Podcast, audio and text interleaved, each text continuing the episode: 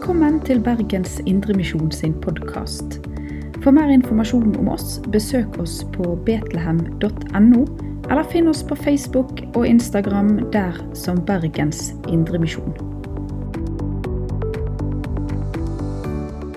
Hei igjen, og velkommen til deg som har valgt til å lytte til også denne siste bibeltimen i Bergens Indremisjon sin eh, bibeltimeserie denne høsten her om menigheten og det som menigheten er, og det som menigheten er kalt til å være. Jeg har valgt i denne siste bibeltimen å på en måte slå sammen det som skulle være de to siste temaene, fordi at dere gikk dessverre glipp av eh, min gode venn og den dyktige pensjonerte diakonen Torbjørn Fjøren sin eh, time, som skulle gå på det som har med diakonien å gjøre. Eh, og så Temaet mitt det går litt på dette som skulle være i dag, det er det med å, å være lys og salt i nærmiljøet. Jeg har valgt å tenke dette under et sånn felles eh, tema her i dag, for å dra med oss også det diakonale.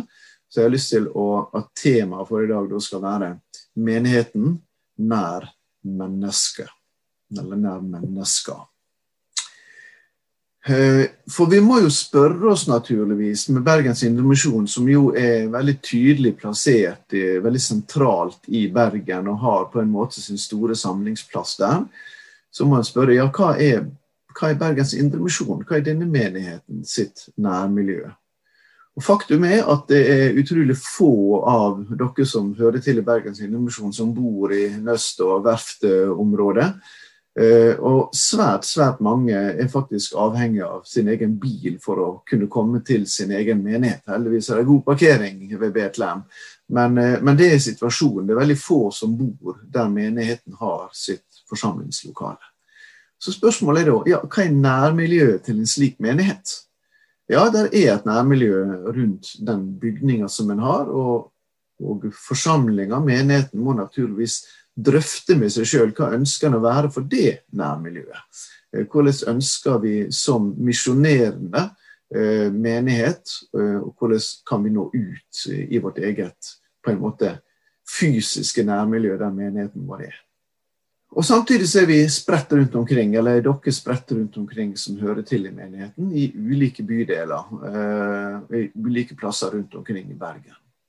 Tidligere så var det jo slik at Bergens Indremisjon var spredt rundt omkring i ulike deler av byen og hadde et lokalt nærvær både i, eh, i ene og andre delen av, av, Bergen, med egne bedehus, med egne eh, med egen aktivitet, ikke minst når vi går godt tilbake og ser på den veldig, veldig store søndagsskoleaktiviteten som var eh, for ganske mange år siden.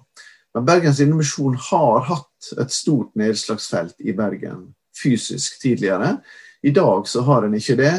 Hvis vi ikke da tenker at uh, det er en annen måte vi har det på i dag. Vi snakker ofte om det som har med kontaktflate å gjøre. Av og til har vi snakka sånn om folkekirka. Den store, store forse og fordel har vært at den har hatt en veldig kontaktflate inn og utover i folket vårt. Og Det har den jo på mange måter, fordi at den har et stort medlemskap som den har. Men ofte så har vi snakka om dette, denne kontaktflaten som presten sin kontaktflate. Presten har hatt så stor kontaktflate fordi han har hatt konfirmanter, han har møtt sørgende, han har møtt folk som, eller hun har møtt folk som har skulle ha brakt folk til dåp, brakt barn til dåp, og hva det måtte være. Eh, og ikke minst vigsel også, da. Så det har vært en veldig kontaktflate. og En har tilgang til skole, en har tilgang til sykehjemmer. Eh, en har, har, på en måte mange arenaer har åpnet seg nettopp fordi en har kommet som folkekirken. Og Samtidig så har det vært sånn at det har vært primært presten sin kontaktflate vi har snakka om. Og det er helt sant. Eh, prest og for så vidt en del andre ansatte i Den norske kirke har en unik kontaktflate med folk som vi andre ikke har. Samtidig så er det noe i modellen som blir feil, på sett og vis. Fordi at Bibelen snakker om at uh, de som har disse uh, mest synlige tjenestene i menigheten, uh, som evangelist, som pastor, som lærer, som hyrde, de primært faktisk skal utruste de hellige til å være de som har kontaktflaten. Utruste de hellige til tjeneste og til et hellig liv. Og jeg tenker Den aller aller viktigste kontaktflaten vi har i dag, det er ikke de ansatte i menigheten sin kontaktflate. Ehm, det er ikke de få sin kontaktflate, men det er oss vanlige, de mange sin kontaktflate. Den kontaktflaten vi har i vår hverdag.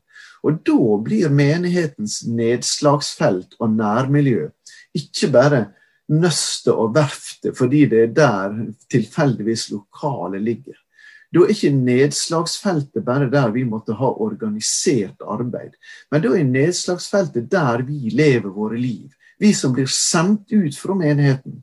Fra menigheten på søndagsgudstjenestene, de tider vi får lov å ha det. Eller den menigheten som blir sendt ut fra smågruppene.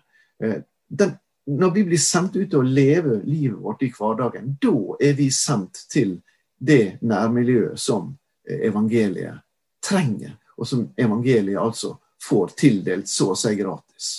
Det kan være i bomiljøet vårt, det kan være i arbeidsmiljøet vårt, det kan være i vennemiljøet vårt, det kan være i familiemiljøet vårt. Det er de ulike arenaer vi ferdes på i våre hverdager. Og der vi ferdes i vår hverdag, der har menigheten sitt nærvær. Ja, ikke primært egentlig menigheten sitt nærvær heller, men der har Jesus sitt nærvær. Der har evangeliet sitt nærvær. Ved at jeg er der og representerer Jesus, ja, og da representerer jeg også den menigheten som jeg hører til, fordi menigheten jo er Jesu Kristi kropp. Dette er en veldig viktig kontaktflate, og jeg snakket om det i en tidligere bibeltime. Ikke minst altså det som har med arbeidsplassen vår å gjøre. Der vi tilbringer så utrolig mange timer av livet og dager og uker og år av livet vårt. Eh, det er en arena som angår Gud, og som angår Jesus Kristus. Og jeg er der som hans etterfølger. Det er kanskje det viktigste nærmiljøet vi har. Eh, men også disse andre arenaene som, som jeg nevnte. Ja, Bergens Indremisjon var en gang en, eh, en bevegelse egentlig i, i, den større delen av Bergen, med mange utplantinger langt utenfor Bergens, eh, langt utenfor Betlehem som, som bygning og som sted. Og Det har en ikke på samme måte i dag. Men går det an likevel å tenke at menigheten har også et Eh, et nærhetsprinsipp i måten som en bygger menigheten på. Og Dette er en av grunnene, eh, og det gjelder ikke bare Betlehem, det gjelder alle menigheter rundt omkring. Vi trenger å ha den offentlige samlingsplassen, men vi trenger også å ha de mindre fellesskapene. Fordi de mindre fellesskapene de skal jo ofte ha som en sånn primær hensikt å hjelpe oss på et nærere område av livet vårt. Ved forbønn, gjennom samtale, gjennom å lese Guds ord sammen. Gjennom å dele det som har med livet å gjøre, det å leve livet som en kristen. Så skal smågruppene ha en sånn primær hensikt å være med å gjøre oss til Jesu Kristi. Hvordan kan jeg på en bedre måte, hvordan kan jeg på en, på en tydeligere måte følge Jesus i min hverdag? På de ulike nærmiljøets arenaer som jeg er på. Og Derfor så vil jeg slå et slag for de små og nære fellesskapene her, også i Bergens Indremisjon. Og at det kan være med å gi et nærhetsprinsipp. Og i noen menigheter, Jeg var, jeg studerte noen menigheter for en del år siden i, i, i, London. og Der var det faktisk sånn at en delte opp geografisk menigheten i smågrupper. Og, eh, og som gjorde at og, og så var ut fra et prinsipp om at det gjør at menigheten vår får et lokalt, synlig nedslag, et nærvær i flest mulig nærmiljø rundt omkring. Det er ikke sikkert vi vil gjøre det sånn. Det er ikke sikkert Bergens Indremisjon vil gjøre det sånn. Men Bergens Indremisjon trenger de små og nære fellesskapene for å stimulere bevisstheten rundt at det er der i hverdagen og i nærheten til mennesket at vitnesbyrdet gis videre, og vi kan hjelpe hverandre til å være Jesu Kristi etterfølgere. Slike fellesskap der vi holder hverandre ansvarlig, oppmuntrer hverandre, hjelper hverandre, ber for hverandre, kan gjøre veldig mye for nærheten og for nærværet av evangeliet i vår hverdag. Jeg har lyst til å knytte noen sånn konkrete tanker til dette i, fra Guds ordet også i dag. Jeg skal ta tre forskjellige avsnitt som betoner kanskje tre litt ulike ting om dette nærværet av, av, av menigheten i, i nærmiljøet. Og i mitt liv og i min hverdag. Og Det første jeg har lyst til å henvise til, det er til bergpreika, der jo Jesus uh, skriver, eller sier disse ordene, mektige og kjente ordene. Dere er saltet på jorda, men mister saltet sin kraft. Hvordan skal det da bli gjort til salt igjen? Det duger ikke lenger til noe. De kaster det ut, og folk trakker det ned. Det er lyset i verden. En by som ligger på et fjell, kan ikke gjemmes. Ingen tenner ei oljelampe og setter henne under et kar. Nei, en setter lampa på en halder, da lyser hun for alle i huset. Slik skal lyset dykkar lyse for folk, så de kan se de gode gjerningene dykkar og prise Far dykkar i himmelen. Dette er jo også eh, for så vidt eh, et avsnitt som Peter, som jo var der den gangen og hørte når Jesus talte, og også talte disse ordene. Og han legger også vekt på i første Petersbrevet, det andre kapittelet. Legg dykk på hjertet, mine kjære, de som er framande og utlendinger i verden, at de skal sky lystne dykkar kjøtt og blod som fører til krig mot sjela. Lev rett mellom heidningene, så de som baktaler dykk og kaller dykk vonde mennesker, kan se de gode gjerningene deres og prise Gud den dagen han kommer.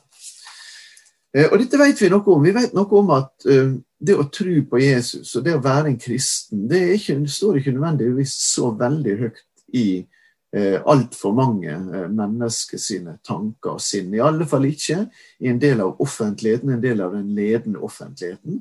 Der vil det bli snakka ned i en del, i en del sammenhenger. Og da tenker jeg at det er viktig at vi stiller oss spørsmålet også når vi møter motstand og skepsis mot trua vår, at vi stiller hverandre spørsmålet hvordan kan vi eh, leve ut det kristne livet på en slik måte at mennesket dras mot lyset i Jesus Kristus. Og hvordan kan vi leve våre liv som kristne på en slik måte at vi motvirker det vonde i samfunnet rundt oss? Og det er jo mange vonde krefter. Det er jo en del vondt som skjer i samfunnet. Og Én ting er det som eh, går på dette med covid-19-situasjonen. Det har ikke med vondskap å gjøre. Det er en sykdom, det er en smittesituasjon som slår inn. Og det, er på en måte bare, Du kan jo på en måte også bare aktualisere enda mer, kanskje dette den tida da Gud vil lære oss at ja, den store samlinga på søndag formiddag, den er viktig, den. Men det er også viktig å trene oss på å å leve sammen i de små fellesskapene, og kanskje i større grad bygge menigheten på de små fellesskapene framover. Hvis motstanden mot kristen tro vil vokse i samfunnet vårt, eh, så kan det godt hende vi blir mye mer avhengige av de enkle strukturene og leve i fellesskapet i de enkle strukturene. Men i denne sammenhengen her eh, så understreker altså Jesus at vi er salt. Saltet har jo en antiforråtnende funksjon. Den virker imot det, mot nedbryting og mot forråtning. Og slik er vi kalt til å være i verden. Hvordan lever vi våre liv? Slik at vi virker mot forråtning. Slik at ikke folk taler vondt om oss fordi de har god grunn til å snakke vondt om oss, men at folk rett og slett snakker vondt om oss fordi at en opplever at vi har noe som de andre ikke har. At vi har en godhet å gi til andre. Og Det er det Peter egentlig snakker om her. At ja, dere lever som lys i verden, og dere blir baktalt for det. Men til sjuende og sist så, er, så skal det oppdages at det dere brakte, det var det mennesker hadde bruk for. Og jeg tenker det at det er kjempeviktig at vi har slike fellesskap som bærer i seg dette. Som velger det gode, som velger den gode veien. Som velger de gode gjerningene. Ja, Det står jo faktisk noe om det her. At vi er et lys i verden. Og Vel, er en lys, så kan det godt hende en anklages av og til for å være en hykler, for å være en fariseer. For det er ikke alltid lett å leve opp til standardene. Og vi er frelste syndere. Vi er mennesker som trenger Guds nåde, og som trenger Guds tilgivelse. Men nettopp derfor skal vi også få være med å peke på Han som er lyset, nemlig Jesus Kristus, som er lyset sin kilde. Og hvordan gjør vi det? Jo, vi gjør det ved å leve ut de gode gjerningene, så de kan se de gode gjerningene deres og prise Far deres i himmelen. Det er utrolig viktig at vi som kristne lever liv, og lever liv i fellesskap med hverandre, og omtaler hverandre på en slik måte at folk ser at her er det vi trenger. Her er det som vi kan dras imot. At ikke det blir grunnlag for falske anklager mot oss. At ikke vi er kjent for å være mennesker som lever som alle andre. At ikke vi er hyklere som sier én ting og gjør noe annet. At vi forvalter på en slik måte at det kommer vår neste til gode.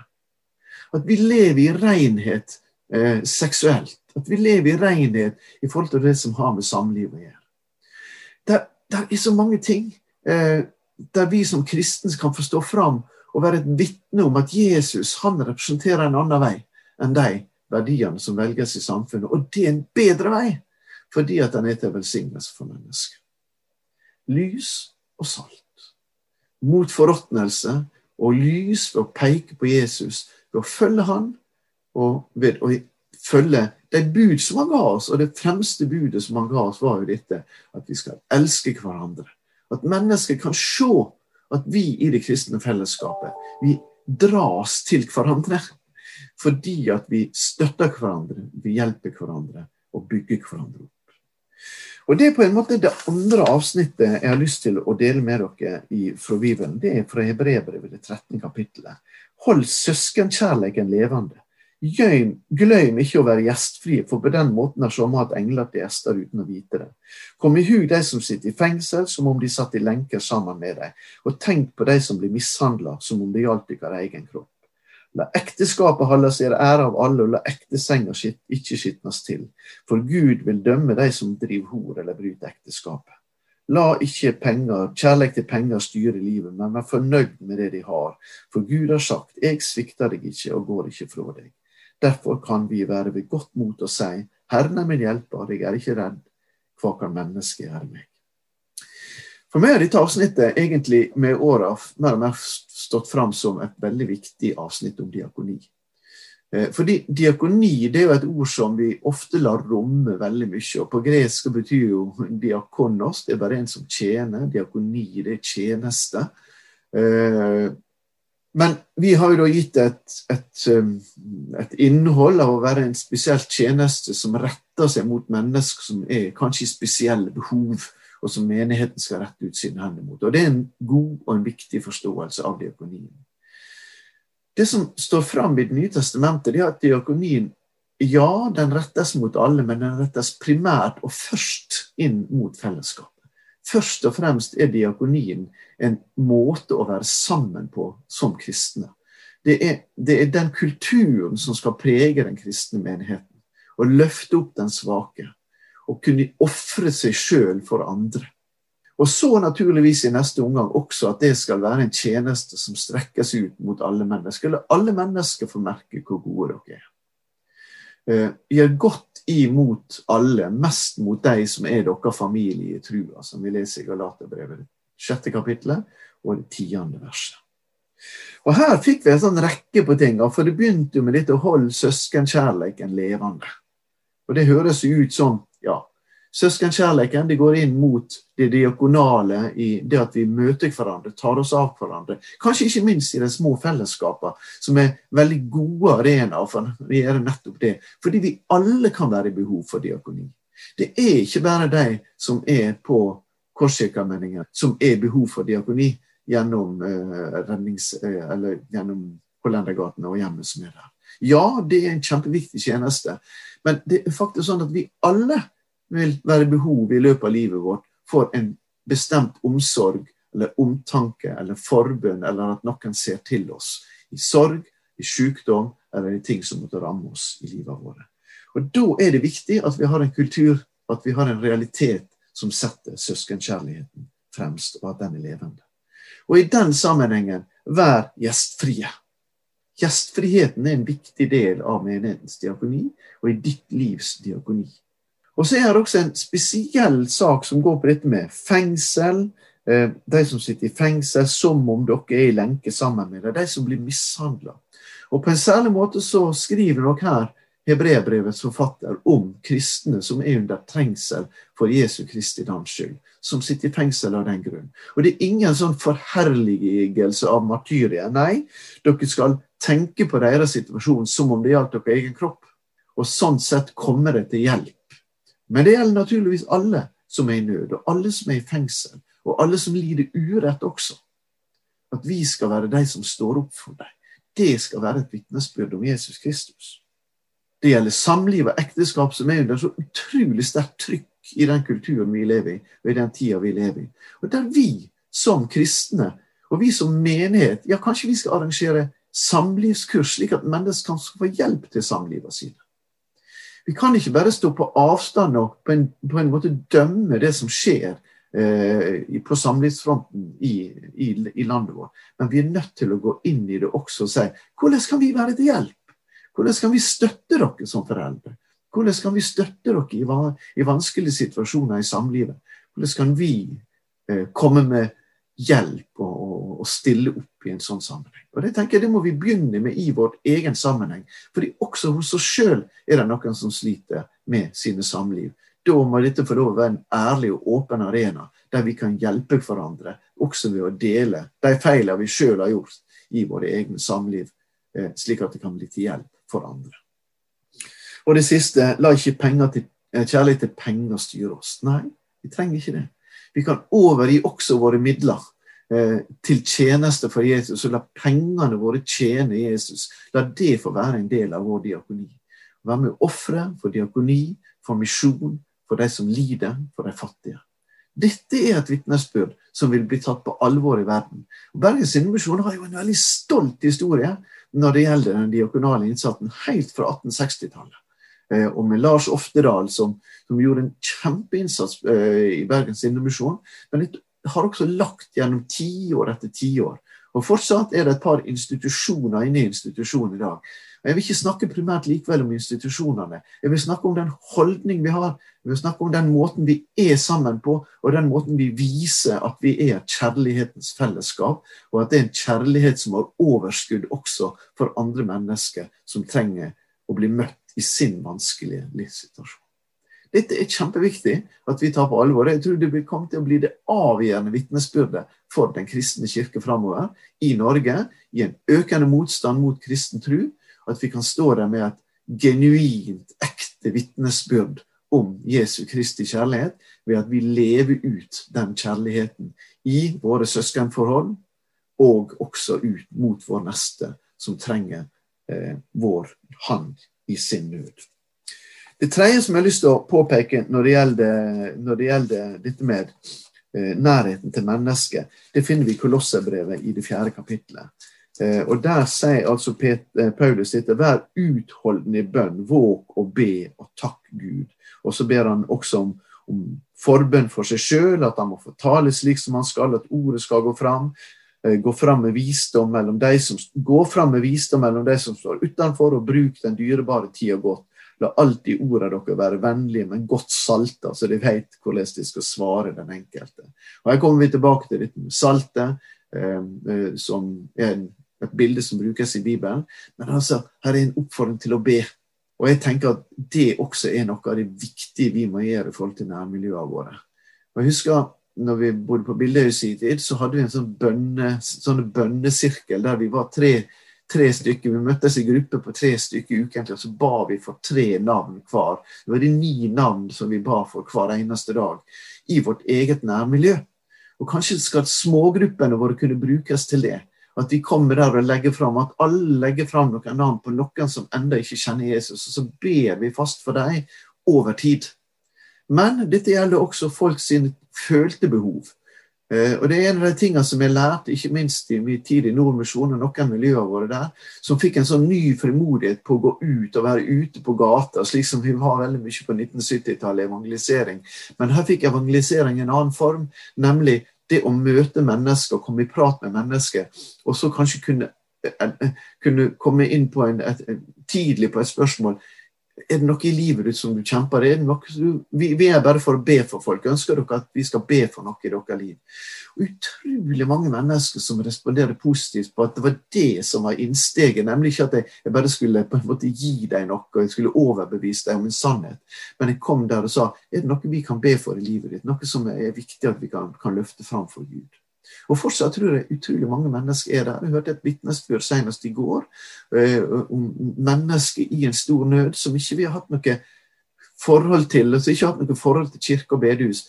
men som i sin nød møter noen kristne som sier til dem ja, vi skal be for deg, og så åpner det fullstendig opp. Ja, kan dere det? Vi har tro, jeg har tro på at noen kan be for oss.